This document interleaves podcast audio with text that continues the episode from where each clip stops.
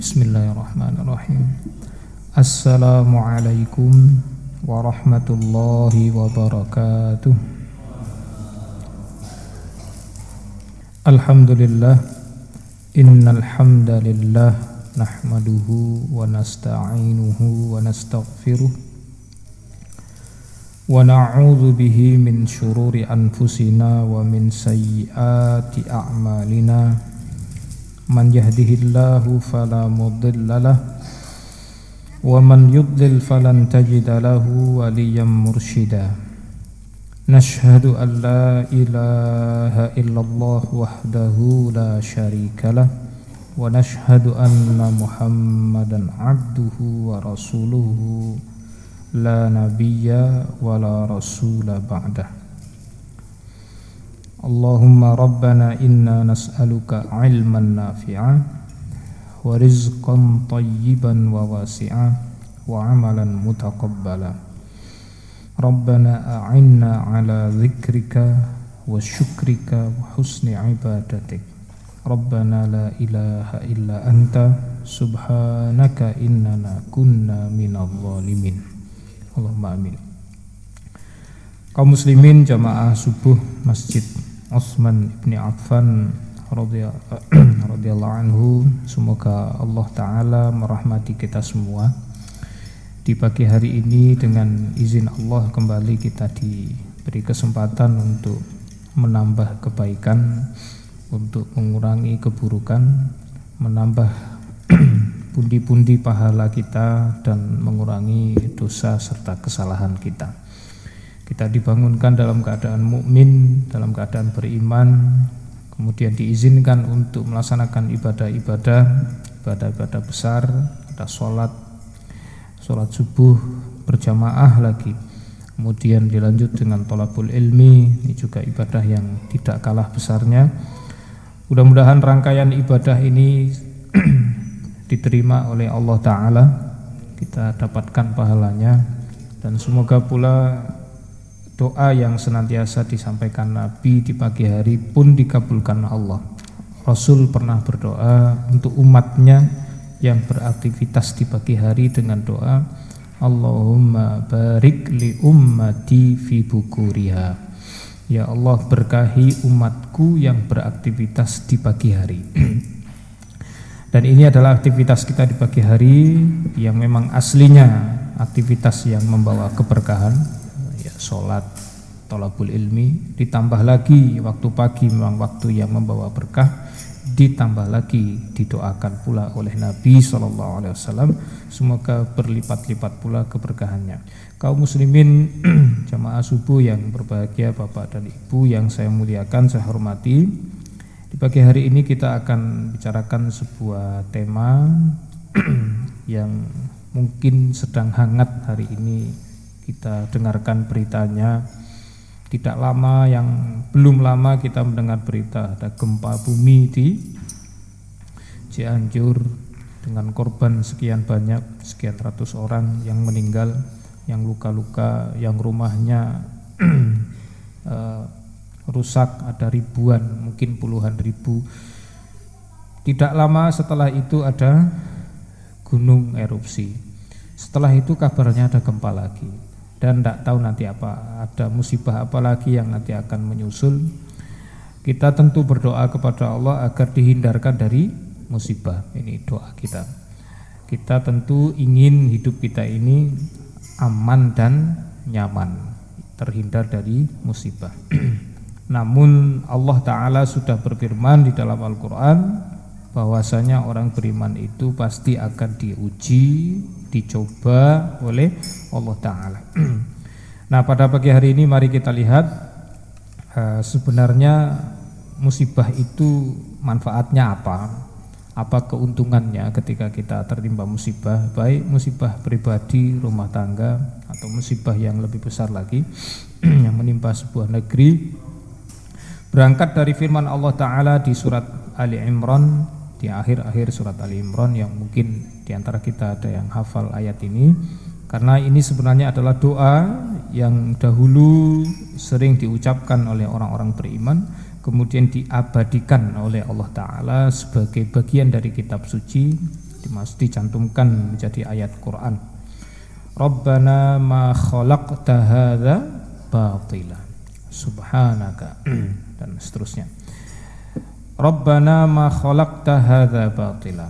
Ya Allah, tidaklah sesuatu itu engkau ciptakan dengan sia-sia. Apa pun hasil perbuatan Allah Ta'ala tidak ada yang sia-sia, tidak ada yang tidak bermanfaat semuanya pasti ada manfaat. berangkat dari hadis berangkat dari ayat ini kita akan belajar bersama tentang fawaidul balwa wal mihan. Ini sebenarnya adalah judul kitab kecil yang ditulis oleh Al Imam Al Ais bin Abdissalam rahimahullah. Beliau menuliskan banyak sekali manfaat dari musibah, banyak sekali tidak tahu nanti berapa poin yang bisa kita sampaikan, kita pelajari di pagi hari ini. Kita usahakan yang paling paling penting karena semuanya penting. Tapi mana yang kira-kira paling pas untuk kita sampaikan di pagi hari ini di waktu yang singkat mungkin nanti tidak semuanya kita bacakan. Total ada sekitar 17 manfaat yang beliau sebutkan dari musibah fawaidul balwa faedah-faedah dari musibah wal mihan dan ujian. Baiklah kaum muslimin rahimakumullah. yang pertama, nah ini kalau ada yang mau catat silakan dicatat. Yang pertama ini justru menjadi pondasi, menjadi eh, dasar dari manfaat-manfaat yang lain. Kalau manfaat yang pertama ini saja tidak kita dapatkan, tidak kita peroleh, keuntungan yang pertama ini tidak kita dapat, berarti yang lain-lain susah sekali untuk kita dapat. Karena ini adalah pondasinya. Ahaduha ma'rifatu izzir rububiyah wa qahriha wa ma'rifatu zillatil ubudiyah wa kasriha. Ketika musibah terjadi kita disadarkan oleh Allah taala akan keperkasaan Tuhan dan kekuasaannya, kekuatannya serta kita disadarkan akan kelemahan diri kita sebagai hamba dan kerapuhannya. alangkah lemah dan rapuhnya kita, alangkah ringkihnya kita. Di saat musibah terjadi, Allah sedang menampakkan betapa perkasanya Dia dan betapa tidak berdayanya kita. Iya apa tidak? Betul nggak Pak? Oh iya, secara kasat mata saja sudah nampak. Belum lagi di balik itu yang tidak nampak. Bangunan yang terdiri dari beton, besi, batu dan lain-lain itu saja bisa porak-poranda tak berdaya, apalagi kita ini yang hanya terdiri dari apa Pak? Ya paling keras di tubuh kita ini cuma tulang, kebentur dikit patah lemah kita, sangat lemah. Di hadapan Allah Ta'ala kita ini sangat lemah. Maaf, di jangan di hadapan Allah, di hadapan musibah itu kita lemah. Padahal musibah itu adalah hasil karya Allah Ta'ala.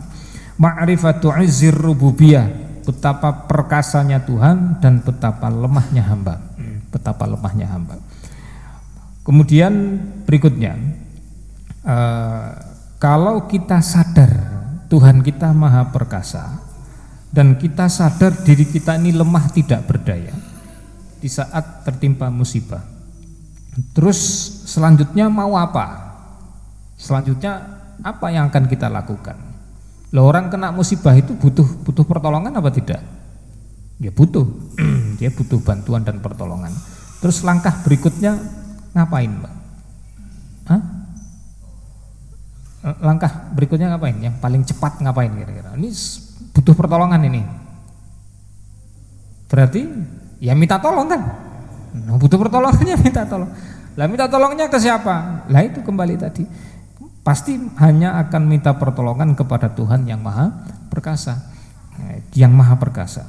Dia tidak akan mungkin mau minta tolong kepada makhluk yang sama-sama lemahnya dengan dia. Walaupun si makhluk itu tidak sedang kena musibah.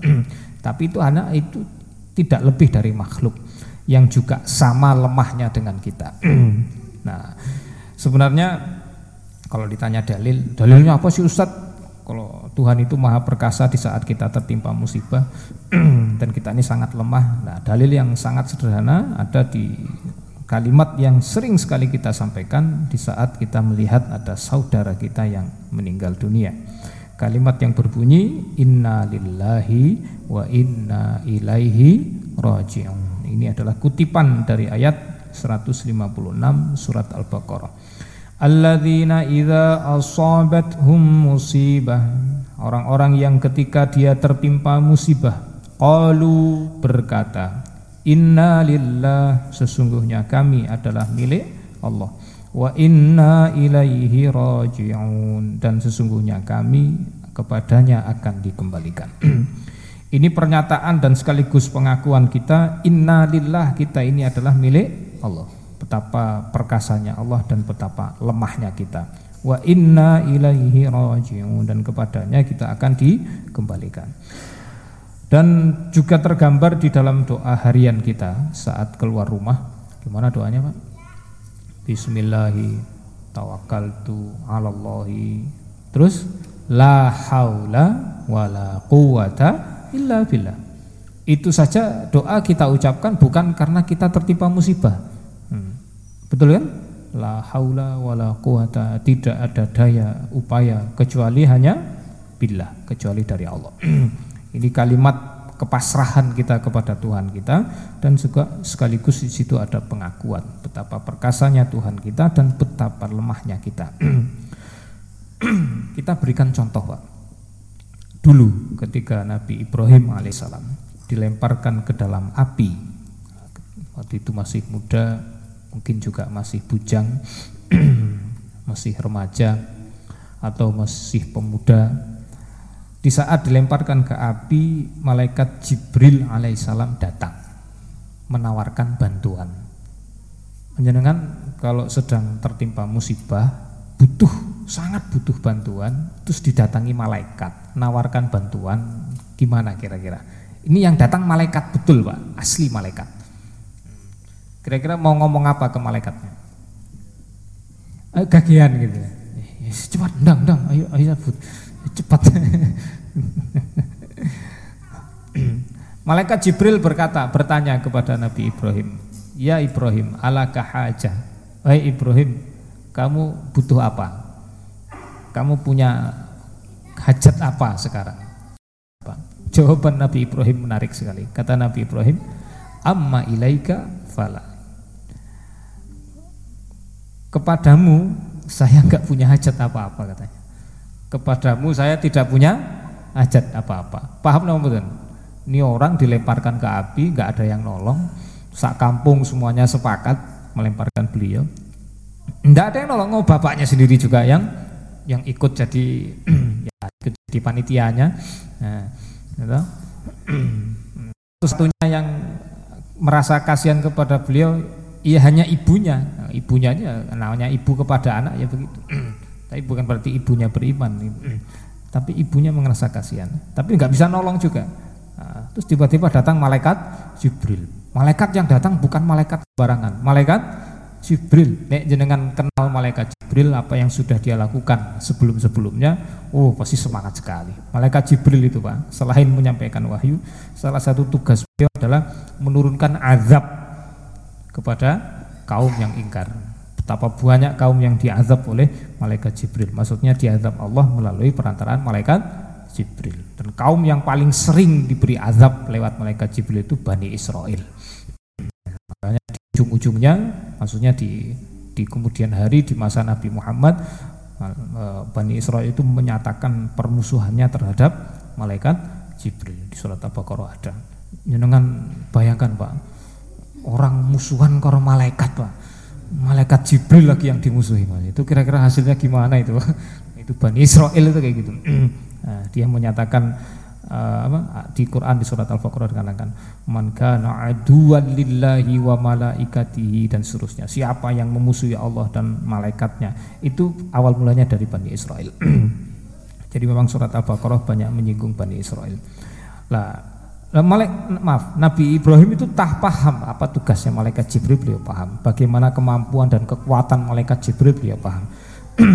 dan di saat itu sedang sangat butuh bantuan, sangat butuh bantuan. Tiba-tiba ada yang nawari bantuan. Dan menurut persangkaan kita, ukuran kita, yang nawari bantuan ini sangat mampu untuk memberikan bantuan, sangat mampu. Yaitu malaikat Jibril tadi. Tapi jawabannya menarik. Amma ilaika fala. Kepadamu saya tidak punya hajat apa-apa.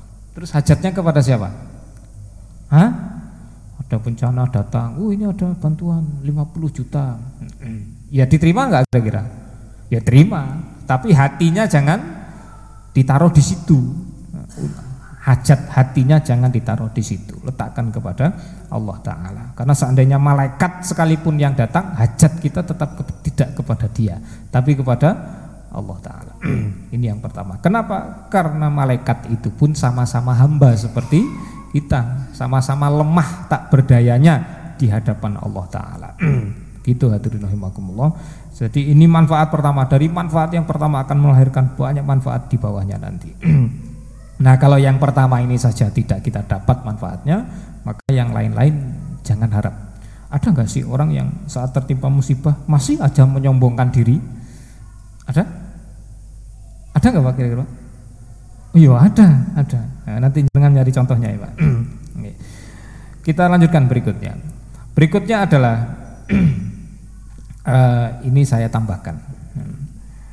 Setelah orang itu tertimpa musibah dan dia paham betapa maha perkasanya Allah Ta'ala dan betapa lemah tak, tidak berdaya dirinya dan tentu saja dia sedang butuh bantuan maka dia akan melakukan langkah berikutnya yaitu al-ikhlasu lillahi fil ibadati wa du'ai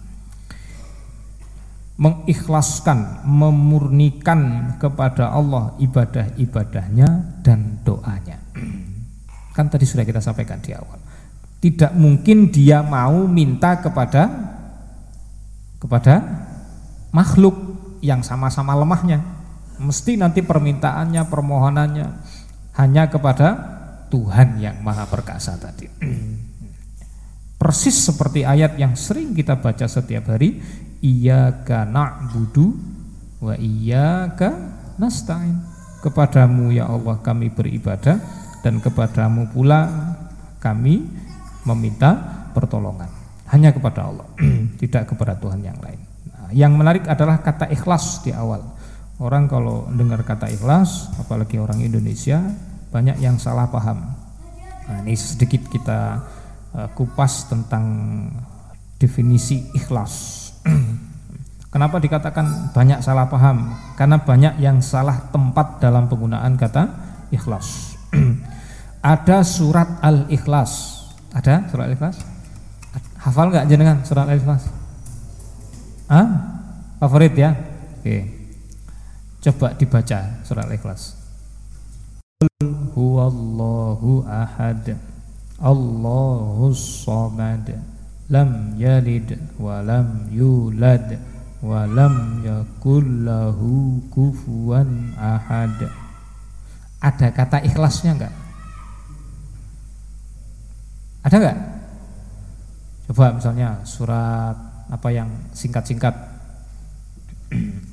Anas Qul a'udzu birabbin nas. Nah, di ayat pertama saja sudah ada kata nas.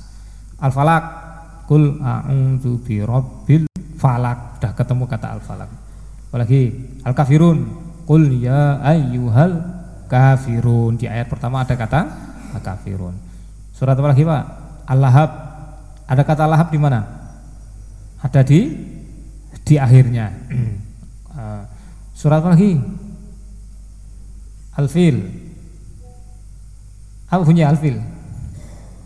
Alam tara kaifa fa'ala rabbuka bi ashabil fil. Ada filnya. Nah ini surat Al-Ikhlas tapi enggak ada kata ikhlas. Itu gimana tuh? Apa salah menyebut surat Al-Ikhlas dengan surat Al-Ikhlas? Mestinya surat apa mestinya? Surat Kulhu.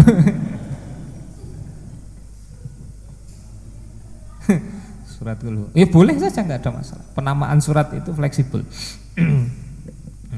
bisa dinamakan dengan ayat pertamanya atau kalimat yang ada di ayat di awal ayatnya di awal ayat pertama surat kulhu yang menarik surat al-ikhlas di dalamnya tidak ada kata ikhlas. Ya. Orang kalau tidak paham makna makna dari kata ikhlas, dia susah untuk me, menyingkronkan antara surat al-ikhlas dengan namanya itu.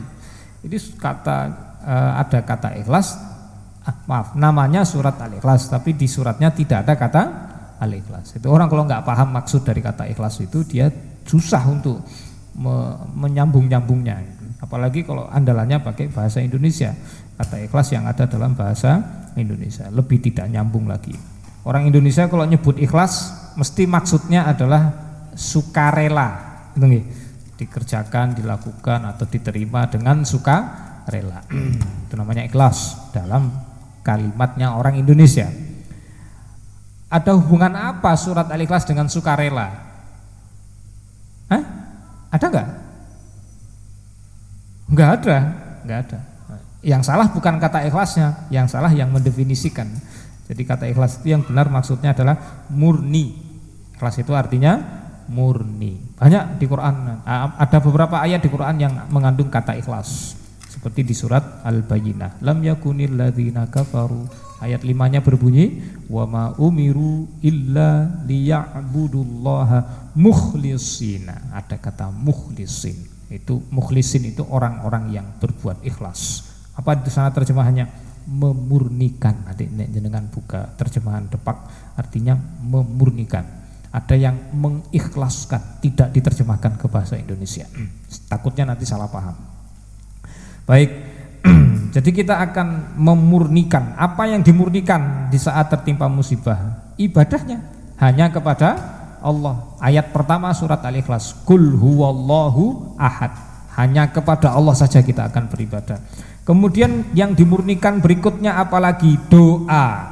Doanya hanya kepada Allah saja, tidak kepada Tuhan yang lain, itu persis sama di surat Al-Ikhlas juga ada panduannya, yaitu ayat keduanya. Allahus sobat, Allah tempat meminta, bergantung segala kebutuhan kita, kita gantungkan hanya kepada Allah Ta'ala. Baiklah kaum muslimin rahimakumullah, itu manfaat berikutnya. Manfaat selanjutnya dari musibah yang menimpa diri kita kita tahu Tuhan kita maha perkasa, kita tahu diri kita lemah tak berdaya. Kemudian selanjutnya kita akan memurnikan ibadah kita hanya kepadanya. Tidak mungkin kita akan beribadah kepada Tuhan yang lemah, pasti kita hanya akan beribadah kepada satu-satunya Tuhan yang maha perkasa itu, sekaligus kita hanya akan minta bantuan kepada dia. Berikutnya, dari ayat yang berbunyi Bismillahirrahmanirrahim ma naqamu minhum illa an yu'minu billahil azizil hamid. Ada di surat Al-Buruj. Ah, Al-Buruj. Surat Al-Buruj ayat ke-8 wa ma naqamu tidaklah mereka menyiksa. Mereka itu siapa? Mereka itu adalah seorang raja dan aparat-aparat keamanannya yang waktu itu menyiksa orang-orang beriman di suatu negeri. Tidak disebutkan tempatnya di mana, tapi pasti ada kejadiannya. yang menjadi korban berapa banyak? Sekitar 20 ribu orang. Orang beriman, orang mukmin disiksa oleh orang-orang musyrik sebanyak kurang lebih 20 ribu orang di satu hari yang sama. Satu hari yang sama. Bagaimana cara mereka menyiksa orang beriman? Dimasukkan ke dalam parit, dilemparkan ke dalam parit yang di dalamnya ada api yang menyala-nyala. Itu disebutkan di ayat-ayat sebelumnya. Allah menerangkan atau menyimpulkan kejadian itu dengan kalimat tidaklah mereka itu orang-orang musyrik itu menyiksa orang-orang beriman illa ayyuminu billah. Kecuali karena orang-orang mukmin itu mereka beriman kepada Allah Al-Azizil Hamid yang maha perkasa lagi maha terpuji. Ada kata aziz ada kata hamid. Allah menutup ayat ini dengan dua asmaul husna dengan dua namanya yang indah Apakah Allah salah memberikan namanya di sini? Ya tidak mungkin salah. Saya sangat menyarankan kalau Bapak Ibu baca Quran nanti pas sedang luang ketika membaca sebuah ayat kok Allah menutup ayat itu dengan namanya, dengan asmaul husnanya, alangkah baiknya jenengan berhenti sebentar baca Qur'annya, lihat terjemahan. Ini ini kenapa kok nama Allah yang dipakai yang ini? Dari sekian banyak nama yang dipakai yang ini, direnungkan, ditadaburi, apa faedahnya? Apa hubungannya dengan kejadian atau dengan peristiwa atau dengan kasus yang sedang Allah ceritakan di dalam ayat? Nah, termasuk ini. Ini kasusnya apa tadi para Bapak? Ibu, apa kasusnya tadi di ayat ini? Orang mukmin disiksa oleh orang-orang musyrik. Dan sampai akhir nggak ada yang selamat. Sampai akhir tidak ada yang selamat. Semuanya wafat. 20 ribuan orang. Termasuk seorang ibu yang waktu itu masih punya bayi umur beberapa hari tapi bayinya sudah bisa langsung ngomong ke ibunya. Nah, ibu ini ini orang terakhir, seorang perempuan gendong bayi. Terakhir dia mau dimasukkan ke dalam api tapi ragu-ragu. Ragu-ragu karena di yang apa yang dia ragukan khawatir keselamatan anaknya masih bayi anaknya malah langsung ngomong bu jangan khawatir kamu berada dalam kebenaran nyemplung aja nyemplung. Karena anak apa motivasi dari bayinya. Nyemplung bareng nyemplung bareng. Oke. baik nanti dalam sejarah dicatat ada kurang lebih tiga bayi yang bisa ngomong saat baru lahir saat beberapa hari baru lahir. Yang pertama jelas Nabi Isa alaihissalam. Terus bayi yang ini kemudian ada bayi lagi di masa Nabi Yusuf alaihissalam. Yang menjadi saksinya Nabi Yusuf. Allah alam baik kita lanjutkan. Pertanyaannya adalah Allah menutup ayat ini dengan kata Al-Aziz menyatakan dirinya maha perkasa. Padahal peristiwa yang terjadi orang beriman sedang disiksa. Dan sampai akhir tidak ditolong. Tidak ditolong. Kalau dalam film-film kalau ada orang baik disiksa terus gimana Pak biasanya? Nanti akan datang jagoan. Nah jagoannya datang di akhir kan gitu gitu nah, gampang ditebak ceritanya nanti datang jagoan ya. jagoan tekane carry nah. ada inspekturnya datang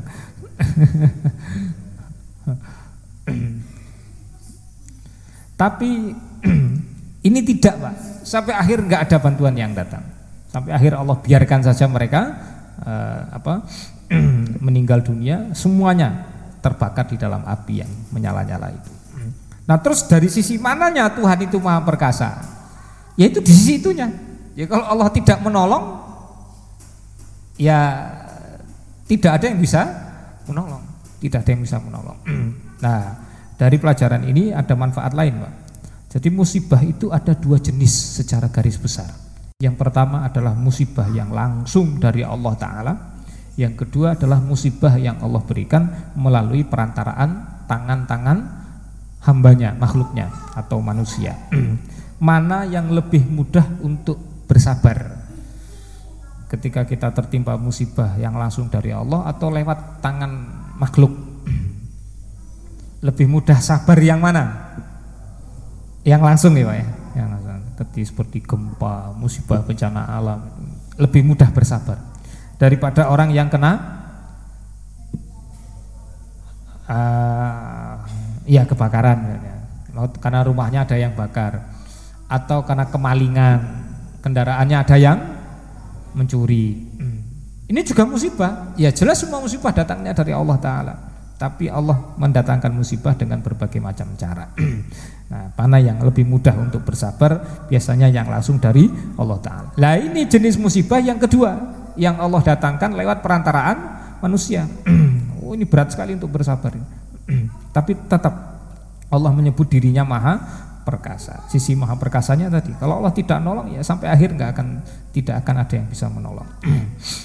Kemudian kata Alhamid Nah ini kalau dengan renungkan cuma sekilas itu kayaknya sama sama sekali tidak nyambung ayatnya nama ini nggak cocok kayaknya tidak cocok kok dirinya Allah menyebut dirinya dengan sebutan maha terpuji alhamid padahal dia sedang menceritakan orang beriman yang tersiksa dan mati sampai akhirnya tidak ditolong tidak dia tolong apa itu perbuatan terpuji Pak Halo? Apa itu perbuatan terpuji? Membiarkan orang beriman tersiksa sampai akhir nggak ditolong itu apa itu perbuatan terpuji? Nih saya tanya panjenengan. Jenengan lihat anaknya sendiri nih sedang mainan api, terus kebakar, terus dibiarin aja, terus gimana rasanya? Enak nggak? Gitu?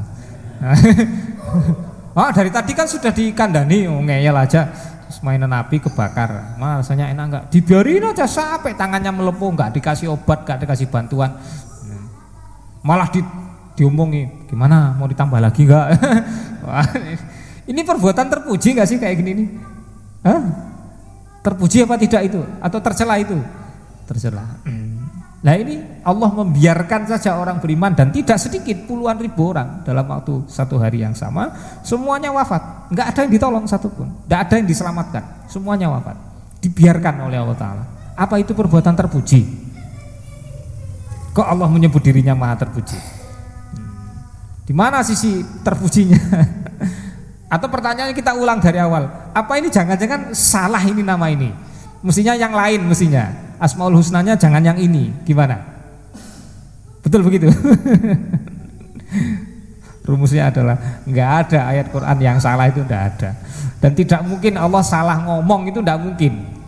Allah salah ngomong tidak mungkin. Tidak mungkin ada ayat yang salah tempat, tidak mungkin. Tidak mungkin ada Asmaul Husna yang salah tempat. Semuanya sudah pas dan itu yang terbaik. Tidak mungkin ada yang salah.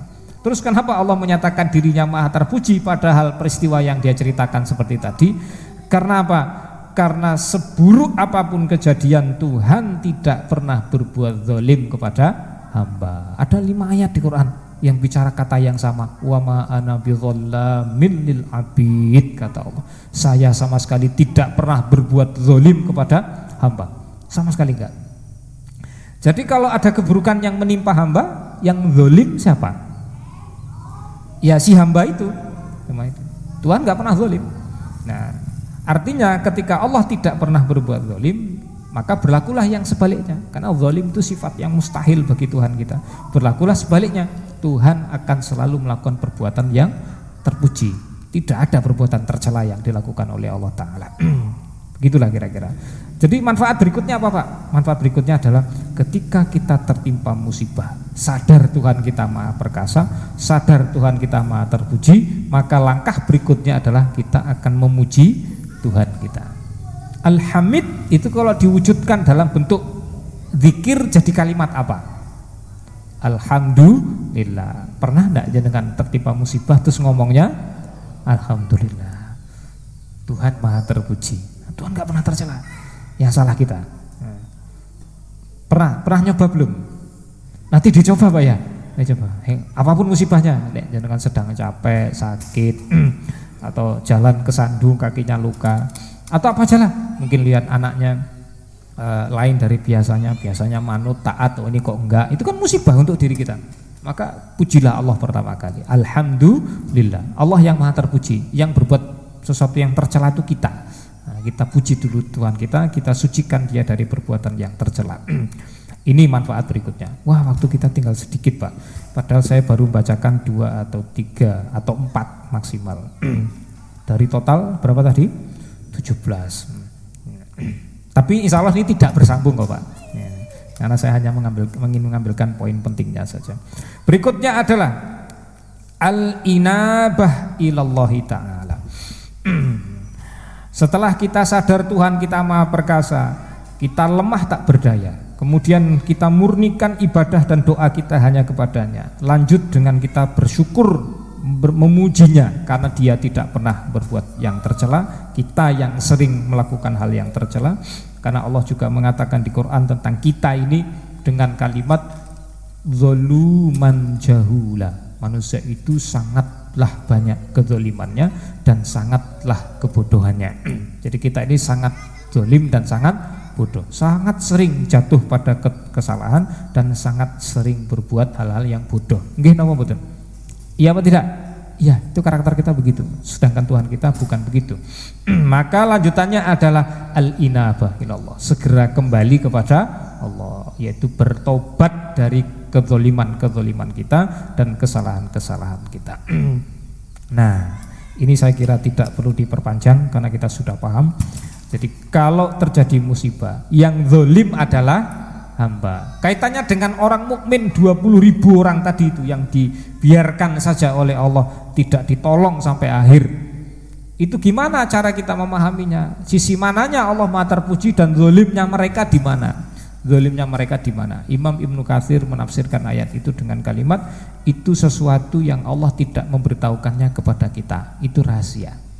Allah tidak pernah menceritakan orang mukmin yang dua puluhan ribu orang ini melakukan kezoliman apa itu Allah tidak ceritakan. Padahal mereka beriman baru di hari itu, Pak. Itu beriman di hari itu langsung di dihukum di hari itu juga beriman di hari itu mungkin berimannya di, di pagi harinya sorenya sudah langsung dihukum dibunuh oleh penguasa di tempat itu bayangkan pak baru beriman satu hari belum sempat kerjakan sholat walaupun cuma dua rakaat sudah langsung meninggal dunia. Hmm. nyambung betul nanti baca sejarahnya. Nah Allah tidak menceritakan kezaliman apa yang mereka lakukan. Tapi kita hendaknya meyakini Tuhan tetap maha terpuji. Dan karena Allah merahasiakan ya sudah biarin aja. Tidak perlu dicari-cari. Maka hadirin rahimakumullah ketika kita sedang melihat atau sedang mengalami sendiri tertimpa musibah maka segeralah bertobat kepada Allah atau ketika kita melihat ada saudara kita yang tertimpa musibah rumusnya sama mesti di situ terjadi kezoliman mesti di situ terjadi kezoliman entah siapa yang berbuat zolim tapi yang jelas pasti bukan Tuhan kita yang berbuat zalim. Baik kita lanjutkan. Berikutnya hadirin Ini yang penting-penting nih.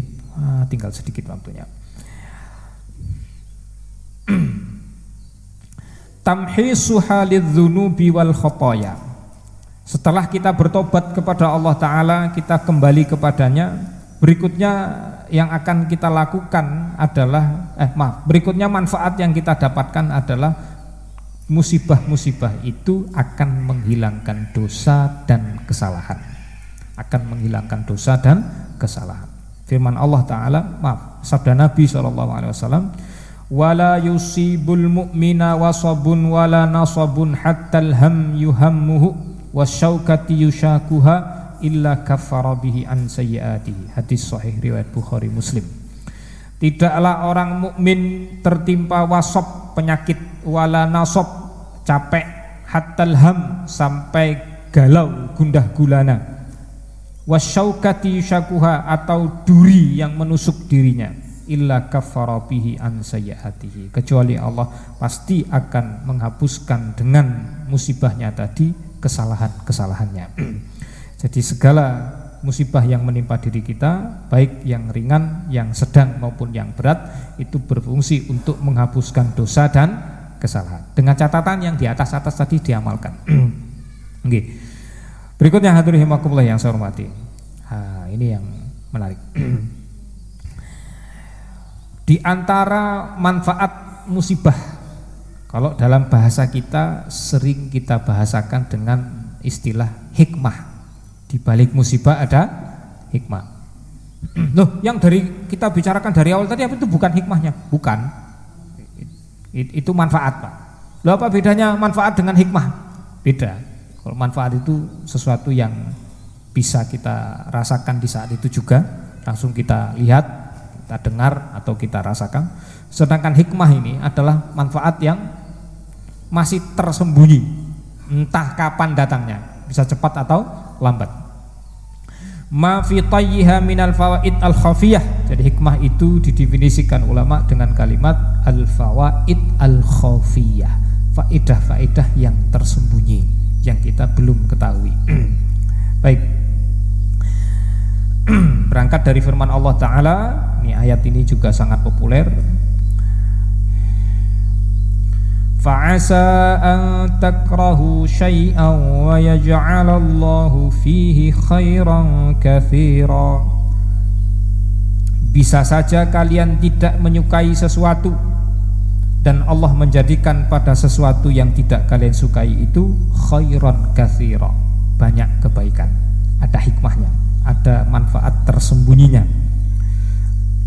nah ini kita contohkan dengan sebuah kasus lagi Tapi izin sebentar.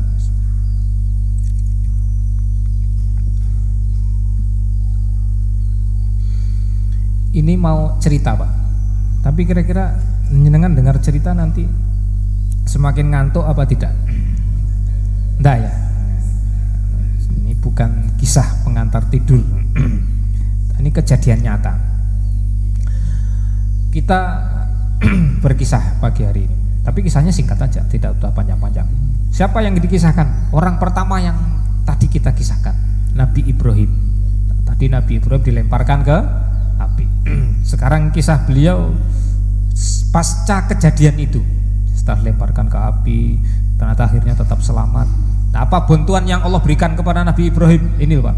Ketika hamba itu minta tolongnya hanya kepada Allah, tidak kepada makhluk pada yang datang malaikat Jibril.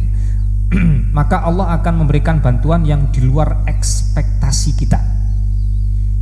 Kita mungkin mintanya cuma sekian, ya tapi akan di diberikan yang melebihi itu. Halo Pak, dalam pikiran kita orang dilemparkan ke api itu kira-kira butuh bantuannya berupa apa sih?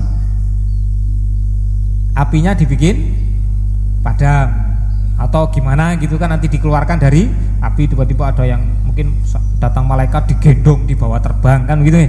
Nah, itu kan bayangan kita bayangan kita kan gitu. Hmm. atau apinya jadi dingin. Itu kan bayangan kita begitu. Tapi ternyata tidak Pak. Allah berikan bonus Pak tambahan. Oh memang memang perbuatan Allah bisa ditebak manusia. Kan nggak mungkin. Oh itu Tuhan. Allah punya rencananya sendiri Betul ketika Nabi Ibrahim tidak minta bantuan kepada malaikat Jibril. Nah kalau beliau minta bantuan malaikat Jibril dalam bayangan kita waktu itu akan terjadi apa? Hah? Oh, masih tinggal di selentik aja talinya putus nanti malaikat Jibril dibawa terbang itu yang bakari di oh, ditiup aja sama malaikat Jibril selesai. Tapi kan nggak terjadi begitu. Nah, yang terjadi adalah malaikat Jibril eh maaf Nabi Ibrahim tetap dilemparkan ke api enggak sehari dua hari pak. Hampir 50 hari lamanya. Hmm, hampir 50 hari lamanya. Lah yang menarik saat baru saja malaikat uh, Nabi Ibrahim masuk ke dalam api Allah sudah perintahkan apinya. Dan yang menarik api yang Allah perintahkan bukan hanya yang di situ tapi semua api di muka bumi Allah perintahkan ya narukuni bardan wassalaman ala Ibrahim. Wahai api kamu harus jadi dingin. Harus jadi dingin. Itu yang diharapkan tapi ada tambahannya ada bonusnya. Wassalaman. Dan memberikan keselamatan kepada Ibrahim. Kata sahabat Ibnu Abbas saat beliau menafsirkan ayat ini itu kalau Allah hanya ngomong kuni bardan ya api wahai api jadilah kamu dingin saja. Perintahnya cuma itu toh Nabi Ibrahim mati kedinginan. Mati kedinginan. Di seluruh permukaan bumi selama Nabi Ibrahim berada dalam api itu nggak ada api yang bisa dipakai. Karena dingin. Pakai buat ngerebus air ya percuma. Airnya nggak matang-matang. Nggak bisa nggak orang bisa ngopi. Api nggak bisa dipakai itu. Nggak main-main pak. Bukan hanya api itu tok yang dibikin dingin. Semua muka bumi jadi dingin semua apinya. Penguasa alam semesta. Maha perkasa. Luar biasa apalah api itu di hadapan Allah Ta'ala. Nggak berdaya mana. Api aja nggak berdaya di hadapan Allah Ta'ala. Lah yang menarik ada tambahan ada bonusnya. Salaman memberikan keselamatan. Itu memberikan kenyamanan. Jenengan berada di ruangan AC kira-kira suhu berapa yang paling nyaman? Masing-masing orang kan beda-beda pak ya?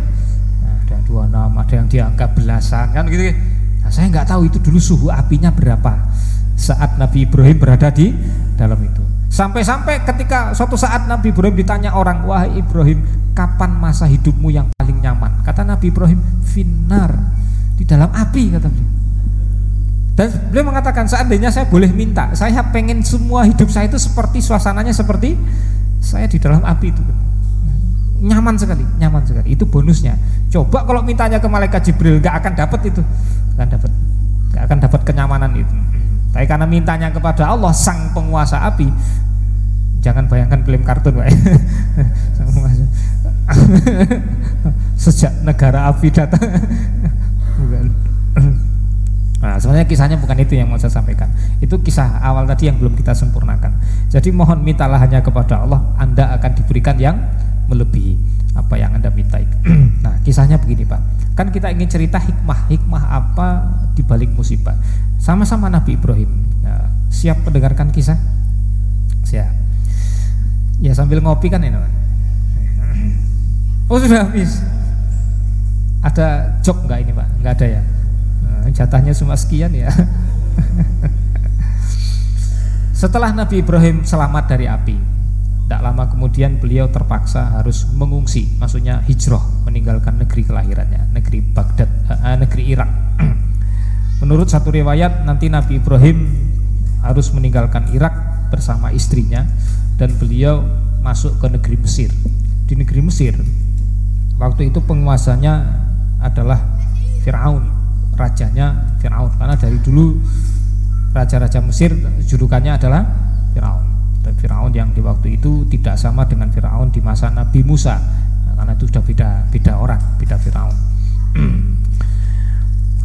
Ketika Nabi Ibrahim masuk di negeri Mesir baru saja masuk Mesir belum lama. Tapi beliau sudah bisa bikin rumah di situ. Datang aparat raja. Datang ya kalau sekarang ya kayak polisi gitu.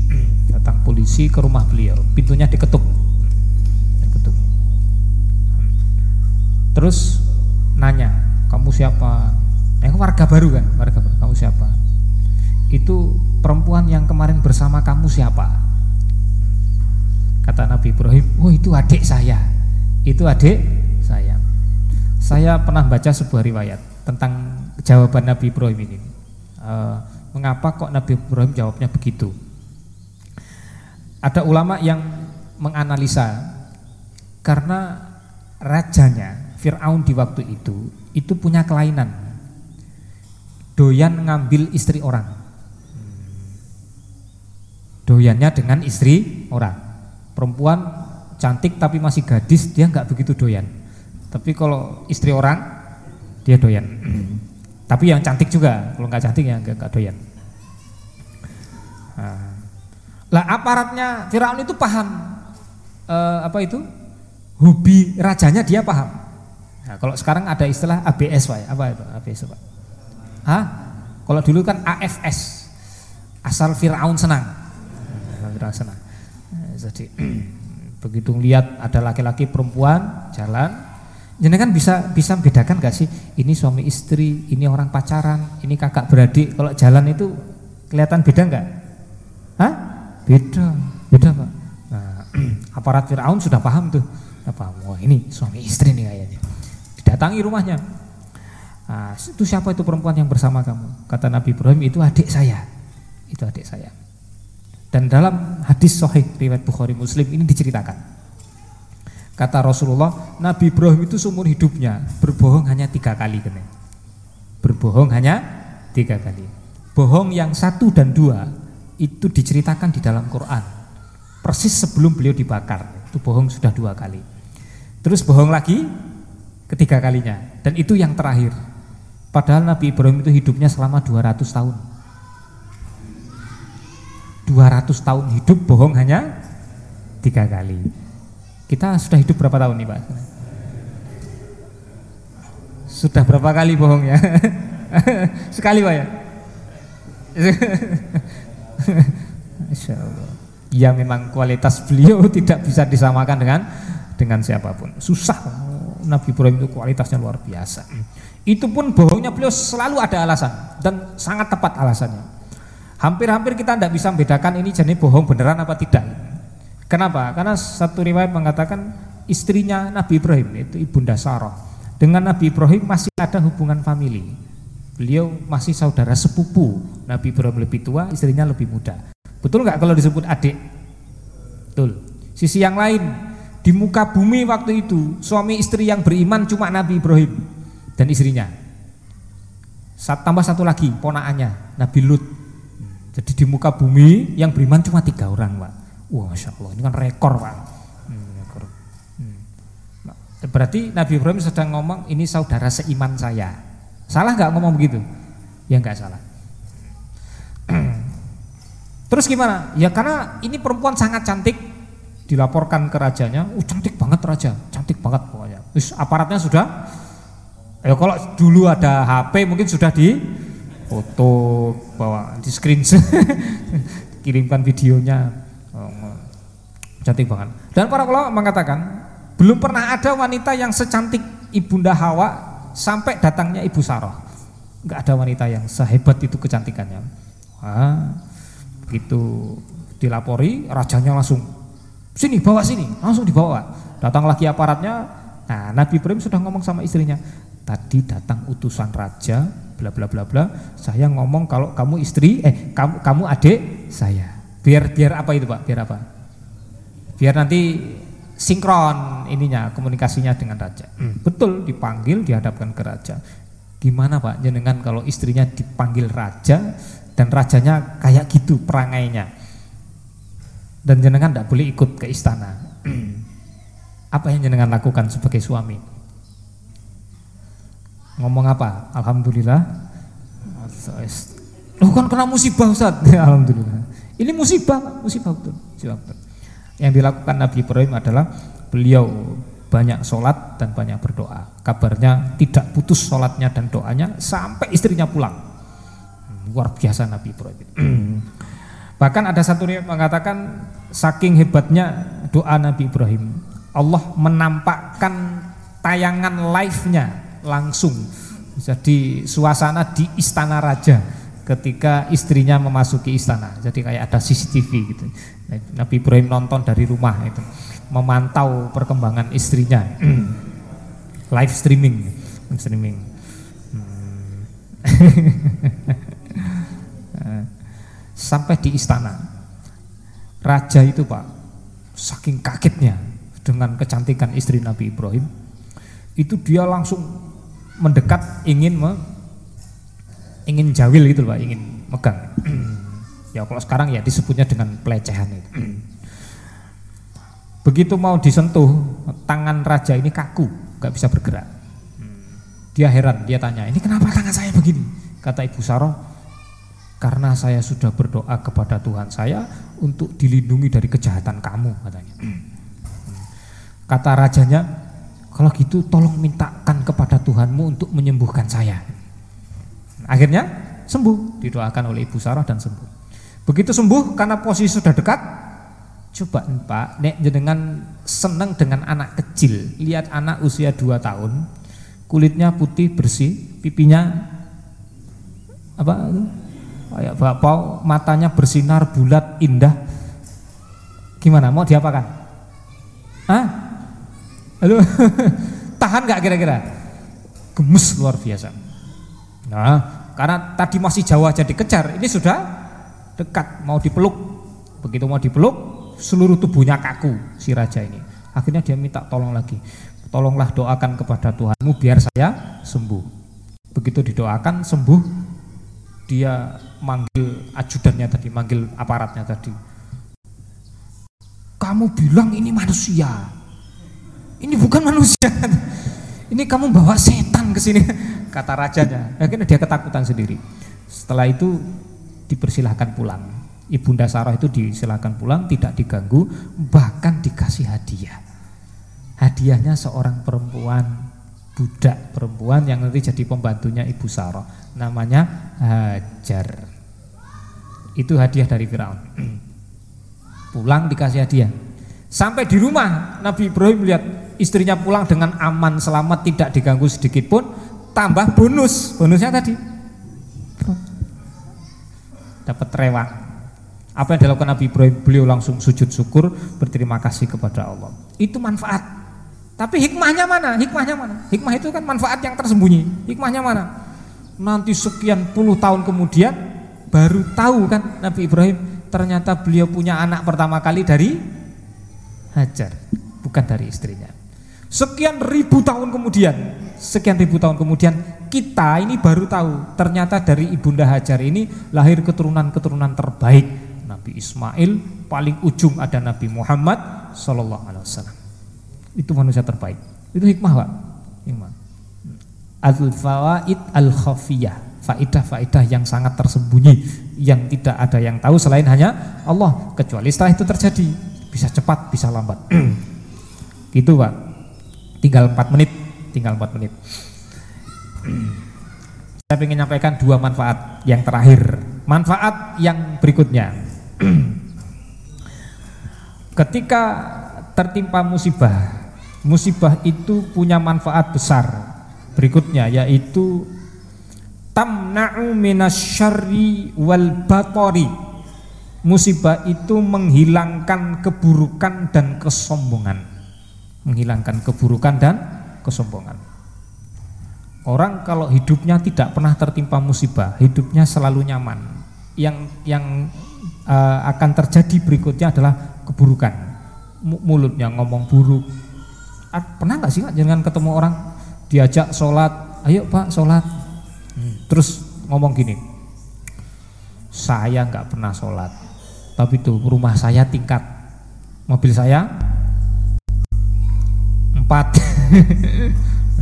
Kamu yang sholat jungkang jungking jungkang jungking, hidupmu tetap melarat. Ada nggak orang yang ngomong kayak gitu tuh pak? Ada. Orang hidupnya nggak kena musibah, tidak kena musibah, tidak diberi ujian cobaan oleh Allah Taala, hidupnya selalu nyaman itu yang muncul adalah keburukan. Keburukan dari mulutnya keburukan perbuatannya keburukan hatinya keburukan pikirannya. Oke? Contohnya siapa lagi? Lagi-lagi di masa Nabi Ibrahim. Siapa itu? Namrud. Namrud itu hidupnya 400an tahun lamanya. Umurnya kurang lebih sekitar 400an tahun. Jadi penguasa. Luar biasa pak. Luar biasa. Umur panjang fisik sehat gak pernah sakit. Harta Uh harta berlimpah, kekuasaan paling tinggi. Mau apa aja, pegel sedikit aja. Ah, ah ada yang mijeti. Sumuk ada yang ngipasi. Mau makan ada yang nyepai. Semuanya serba nyaman. Namrud. Ujung-ujungnya dia mengaku dirinya sebagai Tuhan dan itu nanti ditiru-tiru oleh Fir'aun Terutama di zaman Nabi Musa Dengan kalimatnya Fir'aun Ana rabbukumul a'la Ada di surat Al-Ghasyiyah uh, An-Nazi'at. Sayalah Tuhan kalian yang paling tinggi Kata Fir'aun. Fir'aun di zaman Nabi Musa itu juga sama dengan Mirip dengan dengan Namrud. Hidup berkuasa hampir 400 tahun lamanya. Bukan dua periode Pak 400 tahun Pak. Luar biasa. Rasul bukan 32 tahun juga 400 tahun. Coba bayangkan penguasa 400 tahun jadi penguasa itu kayak apa? Enggak pernah sakit sehat terus fisiknya. Hartanya selalu berlimpah hidupnya selalu nyaman. Orang kayak gitu ha? ujungnya itu kayak Fir'aun tuh. Ngaku dirinya sebagai Tuhan dia yang maha perkasa itu masalahnya. Bahayanya. Jadi ke, menghilangkan keburukan dan kesombongan Artinya orang yang hidupnya selalu nyaman itu akan sangat banyak keburukan yang dia lakukan dan sangat mudah dirinya tertimpa kesombongan. Iya apa tidak sih? Iya, betul. Makanya musibah itu penting. Maka yang terjadi adalah orang mukmin, orang beriman, hidupnya akan selalu diberi ujian dan cobaan oleh Allah taala untuk menghilangkan keburukan-keburukan dan kesombongan dalam dirinya. Jadi orang mukmin itu, Pak, selalu dikondisikan oleh Allah taala untuk berada dalam keadaan selalu ketergantungan dengan Tuhannya. Dan selalu merasa dirinya balik ke awal tadi merasa dirinya lemah tak berdaya. Itu orang beriman. Selalu digitukan oleh Allah Ta'ala. Halo nyambung betul? nah pilih mana? Selalu nyaman apa selalu kena musibah? Loh kalau kita berdoa sah-sah saja kita berdoa ya Allah hindarkan saya dari musibah tapi yang namanya musibah, ada musibah yang tidak mungkin bisa kita hindari. Tapi sah-sah saja kita minta kepada Allah agar dihindarkan dari musibah. Nah, yang terakhir manfaatnya adalah yang di akhirat. Nah, di akhirat ini berupa apa? Yang pertama berupa kata sahabat Ibnu Abbas, yadkhulunal jannata bighairi hisab. Masuk surga tanpa hisab. Ini manfaat pertama di akhirat.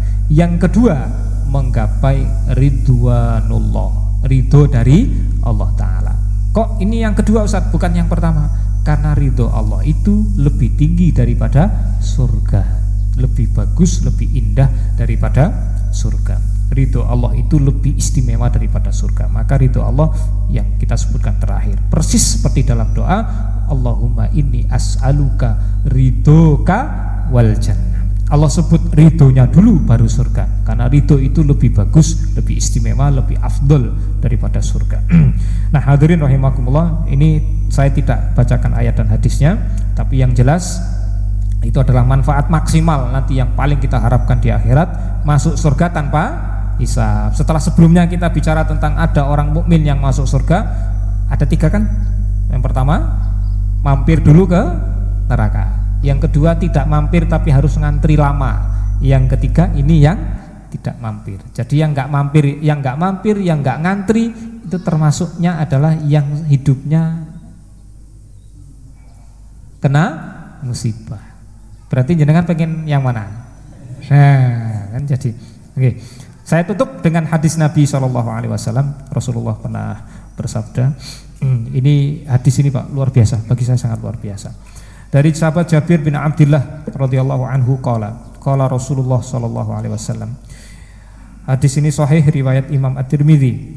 Yawaddu ahlul afiyati yaumal qiyamati hina yu'ta ahlul bala'i ats-tsawaba lau anna juludahum kanat kurridat fid dunya bil maqarid yawaddu ahlul afiyah orang-orang yang di dunia hidupnya itu selalu senang selalu nyaman ahlul afiyah berangan-angan mereka berangan-angan yaumal kiamati pada hari kiamat jadi orang yang disebut dengan ahlul afiyah yang hidupnya di dunia serba nyaman nanti di akhirat dia akan berangan-angan seperti ini. Kapan dia berangan-angan? Hina yu'ta ahlul balai az-zawaba. Ketika Allah memberikan pahala ganjaran kepada ahlul bala.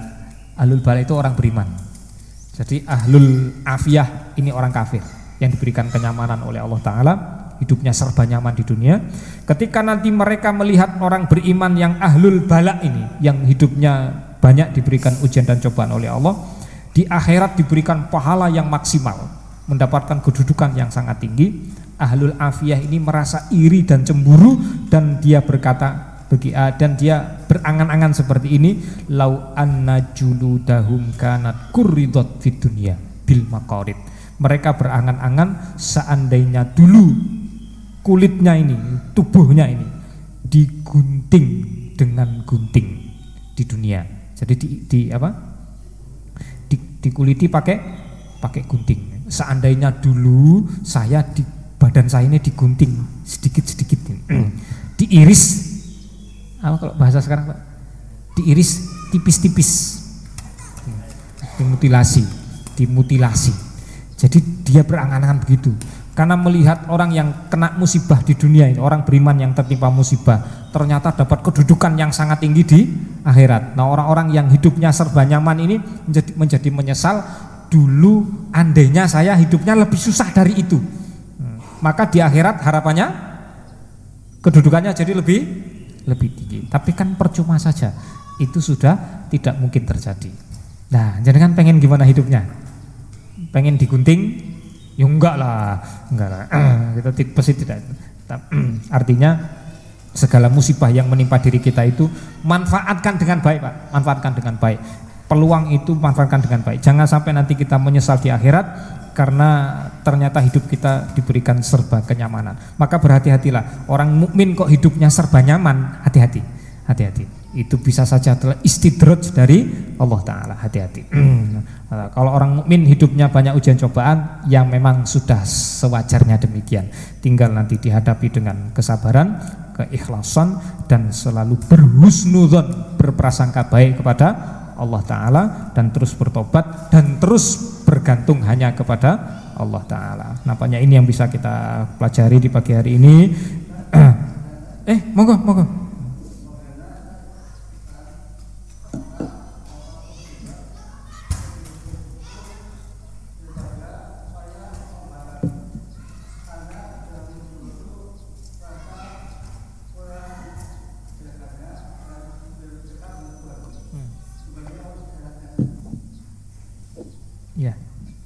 mana yang ini yang saya pahami dari pertanyaan beliau orang tertimpa musibah terutama penyakit ini baiknya bersyukur atas penyakitnya atau di diobati gitu nggih biar penyakitnya sembuh. Ha Syukurnya. Iya. Nggih, nggih. Masih berkurang. Iya, iya. Nggih. Ini sebenarnya sudah sampai pada next level. Istilahnya anak muda itu apa namanya? Sudah di level berikutnya ini. Level advance. Ini sudah advance apa itu? Bukan merek barang elektronik Pak ya. Ini apa? Apa namanya? Ya sudah levelnya sudah naik, high rank ini. Nah, udah tinggi rankingnya udah tinggi. ah, dulu di zaman Nabi Pak, ada kejadian seorang ibu terkena penyakit ayan. Ayan itu apa sih? Penyakit ayan. Ya tiba-tiba nggak sadar, tiba-tiba epilepsi, epilepsi. Nah, gerak-gerak sendiri. Beliau datang kepada Nabi, wahai Nabi, saya ini uh, terkena penyakit seperti ini. Tanpa sadar nanti aurat saya tersingkap. Berdoalah kepada Allah biar penyakit saya ini sembuh. Kata Rasul, Bu, mau nggak saya kasih tawaran yang lebih bagus? Ibu bersabar saja nanti saya jamin ibu masuk surga. Hmm. mau penyakitnya disembuhkan atau dijamin surga tapi penyakit nggak disembuhkan? Pilih mana? Penyakit tidak disembuhkan tapi jaminannya surga. Atau tidak ada jaminan surga penyakitnya langsung disembuhkan saat itu juga. Pilih mana pak kalau kasih tawaran kayak gitu pak? Pilih mana pak oh si ibu ini bilang sudah saya milih bersabar aja. Saya milih sabar aja. Oh sudah dijamin surga? Oh, ngapain? Kalau saya boleh minta ya Allah minta aja kepada Allah biar malaikat mau datang sekarang ya Allah. Oh udah dijamin surga lo mau ngapain? Hmm. kalau udah dijamin surga lo mau ngapain lo jenengan? Mau hidup lama-lama di dunia? Halo? Jadi uh, ini, makanya saya bilang ini sudah next level. Jadi kalau panjenengan bisa sampai pada level itu ini anugerah besar dari Allah Taala dapat diberikan penyakit uh, bukan lagi sekedar bersabar tapi malah bersyukur. Ini sudah next level uh, sudah level selanjutnya level yang tingkat lanjut level mahir ini Pak. Bukan level orang belajaran ini level mahir. Dan mudah-mudahan dengan penyakit itu tadi segala dosa panjenengan dihapus dihabiskan oleh Allah Ta'ala. Ibadah yang panjenengan lakukan pahalanya digandakan melebihi orang yang kondisi fisiknya normal. Jadi nyenengan sholat duduk, kita sholat berdiri, nyenengan pahalanya double, bisa berkali lipat lebih besar daripada kita yang masih sehat dan normal. Oke nih Pak. Dan ini juga pelajaran penting untuk kita. Beliau yang sudah uh, seperti itu kondisinya, kesulitan yang Allah berikan, tapi masih tetap rajin berangkat ke masjid. Oh, kita yang masih sehat, masih segar bugar, ah? Nah itu masalahnya. Jadi kalau kita nanti sholatnya di rumah kalah jauh dengan beliau, kalah jauh pak. Fisiknya sehat, sholatnya di rumah. Beliau fisiknya kurang sehat, sholatnya di masjid. Padahal sebenarnya yang boleh sholat di rumah adalah eh yang di yang dapat keringanan sholat di rumah adalah beliau. Tapi kan kebalik pak ya. Nah, ini, ini sudah level berikutnya. nah, mudah-mudahan Allah Taala menghapuskan segala dosa panjenengan dan dosa kita semua dan menggandakan pahala yang kita dapat. Dan dari musibah-musibah yang menimpa diri kita baik yang ringan, sedang maupun yang berat semoga juga Allah hapuskan dosa kesalahan kita Allah tinggikan derajat kita dan nanti Allah hilangkan keburukan dari diri kita dan kesombongan dari hati kita. Dan yang paling ujung yang paling kita inginkan adalah masuk surga tanpa hisab dan diridhoi oleh Allah Ta'ala. Ini dulu dari saya hadirin yang berbahagia Eh, para bapak dan ibu. Dan tentu saja kita tidak lupa mendoakan saudara kita yang sekarang sedang tertimpa musibah. Semoga yang gugur diterima Allah sebagai syuhada. Semoga yang hidup dan luka-luka dan selamat diampuni segala dosa dan kesalahannya, segera diberi pertolongan oleh Allah Ta'ala, dan semoga yang berbuat dosa dan kesalahan, yang berbuat zolim di tempat itu, segera diberi hidayah dan bertobat. Allahumma amin. Subhanakallahumma rabbana wa bihamdika asyhadu an la ilaha illa anta astaghfiruka wa atubu ilaik. Terima kasih dan mohon maaf yang sebesar-besarnya. Semoga ini bermanfaat. Saya kembalikan sepenuhnya kepada saudara pembawa acara. Wassalamualaikum warahmatullahi wabarakatuh.